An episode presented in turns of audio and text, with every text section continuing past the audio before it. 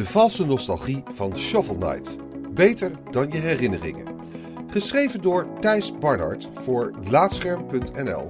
Ingesproken door Arjan Lindeboom. Een willekeurige winkel binnenlopen en een NES Classic Mini van de schappen pakken is er zes maanden na de release nog steeds niet bij. En dat gaat waarschijnlijk ook nooit meer gebeuren, want de productie van het apparaat is alweer stopgezet.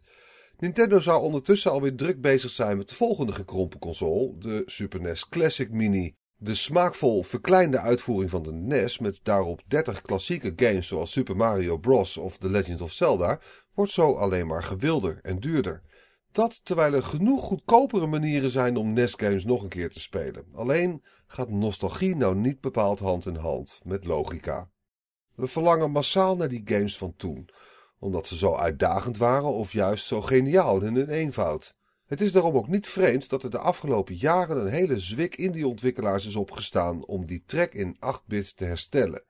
Maar er is geen game die dat beter doet als Shovel Knight. Schat aan inspiratie. Ontwikkelaar Yacht Club Games steekt niet onder stoelen of banken waar het de inspiratie voor Shovel Knight vandaan heeft.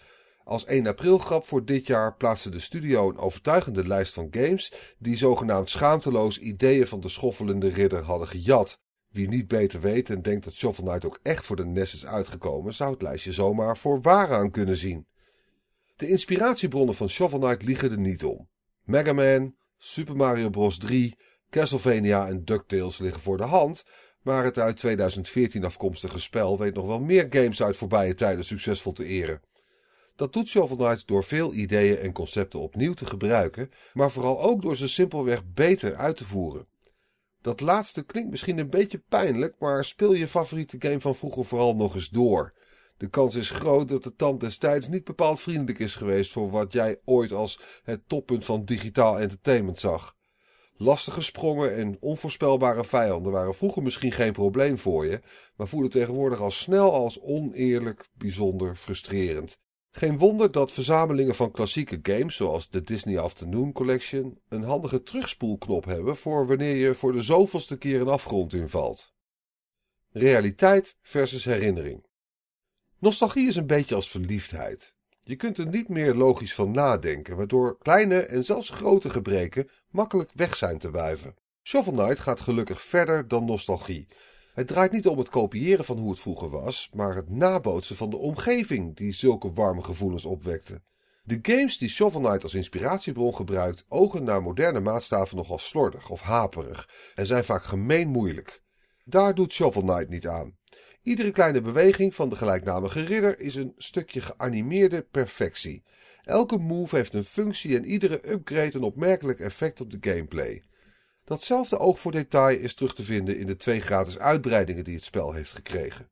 Die spelen best wel anders, maar zijn met minstens net zoveel gevoel en liefde voor platformers ontworpen. De moeilijkheidsgraad van Shovel Knight kun je grotendeels zelf bepalen.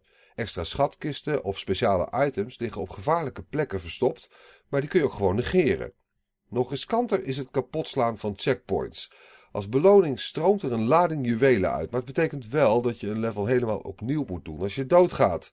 Geen game voor de NES die iets soortgelijks doet, maar toch voelt het in Shovel Knight alsof het erbij hoort. De graphics ogen ondertussen warm en heerlijk ouderwets, totdat je ze naast een echte NES-game legt. Zulke gedetailleerde sprites kon de bejaarde console echt niet op het scherm toveren. En die fantastisch klinkende 8-bit muziek is stiekem onmogelijk uit een oude NES te pompen, tenzij je er zelf een geavanceerde geluidschip in hebt gebouwd. Beter dan je nostalgie. In al zijn nostalgie is Shovel zelfs beter dan veel games van nu. Het spel heeft drukbevolkte dorpjes, een sfeervolle landkaart waarop je van level naar level gaat en eindbazen met meer persoonlijkheid in hun naam dan de meeste blockbusters in hun 60 uur durende verhaal. Het hele spel speelt bovendien als een droom. Er zijn geen knipperende sprites wanneer je te dicht bij de rand van het scherm komt en de framerate zakt niet in zodra er te veel vijanden in beeld komen. Geen enkele platformheld op de NES springt, stuitert en sterft daardoor zo soepel als Shovel Knight. Daarom is Shovel Knight niet alleen een eerbetoon, maar ook een betere game dan al die titels die tijdens de ontwikkeling als inspiratiebron hebben gediend. Die nostalgie die je voelt bij het spelen van Shovel Knight is hartstikke nep, alleen daardoor echt niet minder geslaagd.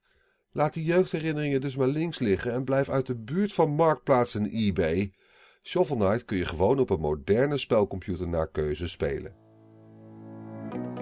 Dankjewel voor het luisteren naar Laatscherm voorgelezen. Abonneer je ook op onze podcast Praatscherm en ga voor deze en meer verhalen, gesproken of geschreven, naar laatscherm.nl.